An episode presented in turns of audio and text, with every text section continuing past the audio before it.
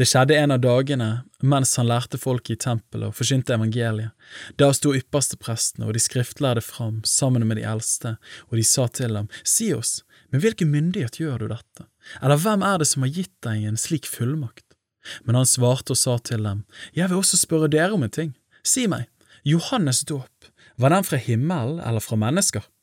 Da samrådde de seg med hverandre og sa, Dersom vi nå sier fra himmelen, da vil han si til oss, Hvorfor trodde dere ham da ikke?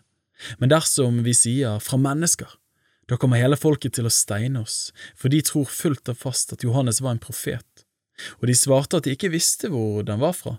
Da sa Jesus til dem, så sier heller ikke jeg dere med hvilken myndighet jeg gjør dette.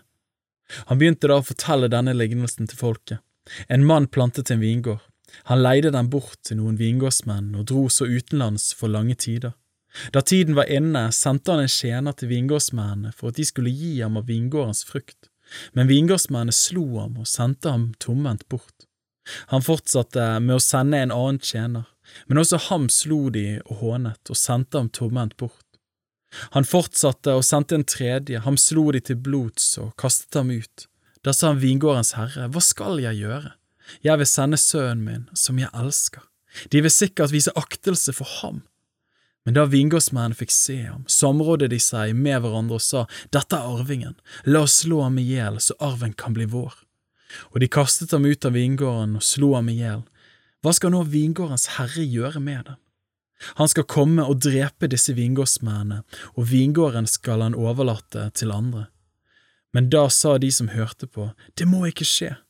Men han så på dem og sa, hva betyr da dette som står skrevet?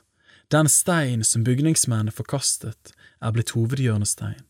Hver den som faller på denne steinen skal bli knust, men hver den som stein faller på, ham skal den smuldre til støv. De skriftlærde og yppersteprestene søkte nå med det samme å få lagt hånd på ham, men de fryktet for folket, de skjønte nemlig at det var dem han hadde talt om i denne lignelsen. De voktet nå på ham en tid og sendte noen for å lure på ham. Disse skulle late som om de var rettferdige, for å fange ham i ord, slik at de kunne få overgitt ham til myndighetene og til landshøvdingens makt. Og de spurte ham og sa, Mester, vi vet at du taler og lærer rett, du gjør ikke forskjell på folk, men lærer Guds vei i sannhet. Er det tillatt for oss å gi keiseren skatt, eller er det ikke? Men han merket deres list og sa til dem, Vis meg en dinar. Hvem har sitt bilde og sin påskrift her? De svarte, Keiseren. Han sa da til dem, så gi da keiseren det som keiserens er, og Gud var Guds er. Og de var ikke i stand til å fange ham i ord i folkets påhør. De undret seg over svarene hans og tydde. Så kom det noen sadukerer til ham, de som nekter at det er en oppstandelse. De spurte ham, Mester, Moses har foreskrevet oss, når en gift mann dør og han er barnløs, da skal mannens bror gifte seg med enken og holde oppe slekten for sin bror. Nå var det sju brødre, den første tok seg en kone, men døde barnløs, den andre tok henne så til kone, og så han døde barnløs, også den tredje tok henne, og slik med alle sju. De døde uten å etterlate seg barn. Til sist døde også kveen. Hvem av dem skal så ha kveen til kone i oppstandelsen? De har jo alle sju hatt henne til kone.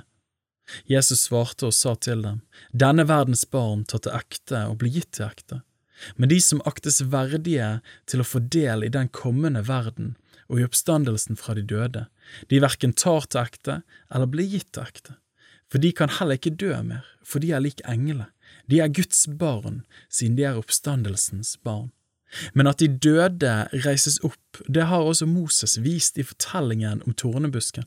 Der kaller han Herren for Abrahams Gud og Isaks Gud og Jakobs Gud, og Gud er ikke de dødes Gud, men de levendes, for de lever alle for ham. Da tok noen av de skriftlærde til orde og sa, Mester, du svarte godt, for de våget ikke å spørre ham mer om noe. Men han sa til dem, Hvordan kan det sies at Messias er Davids sønn? For David selv sier i Salmenes bok, Herren sa til min Herre, sett deg ved min høyre hånd til jeg får lagt dine fiender til skammel for dine føtter. David kaller ham altså Herre, hvordan kan han da være hans sønn? Og mens hele folket hørte på, sa han til disiplene sine, ta dere i vare for de skriftlærde. De vil gjerne gå omkring i side kapper og liker at folk hilser på dem på torgene. De vil ha de fremste setene i synagogene og hedersplassene i gjestebudene. De eter opp enkers hus, og for syns skyld holder de lange bønner. De skal få dess strengere dom.